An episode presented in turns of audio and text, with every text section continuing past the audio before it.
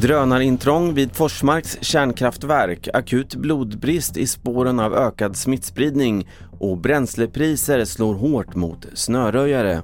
Ja, först i TV4-nyheterna om att polisen inlett en nationell utredning efter att en större drönare cirkulerat över Forsmarks kärnkraftverk igår kväll, det meddelar polisen, som tillkallades efter att en väktare på anläggningen slagit larm. Även över kärnkraftverket i Oskarshamn sågs drönare vid samma tidpunkt. Petra Blomqvist är presstalesperson på polisen Region Mitt.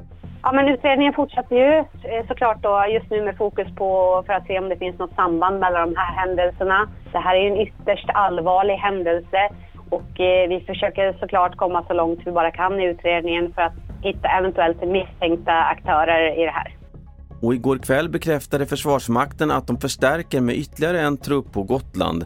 Ett militärt transportflygplan landade igår kväll i Visby efter att ha hämtat svenska soldater i Luleå. Insatsen sker efter ökad rysk aktivitet i Östersjön.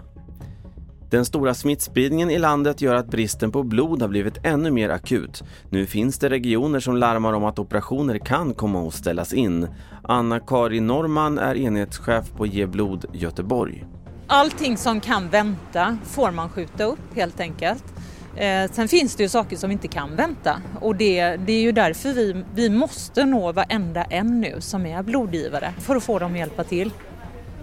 Sist om att de höga bränslepriserna slår hårt mot snöröjningen på flera orter i norra Sverige. I Luleå får snöröjningsentreprenörerna ta hela smällen och därför vill de nu se en förändring i avtalet mellan kommunen och entreprenörerna. Fredrik Palmqvist är kommunikationschef på entreprenadföretaget BDX. Det är en bransch med ganska låga marginal från början och eh, när vi får så stora höjningar på bränslepriserna som det har varit nu då, då slår det ju naturligtvis väldigt hårt. Fler nyheter i appen TV4 Nyheterna. Jag heter Carl-Oskar Alsen.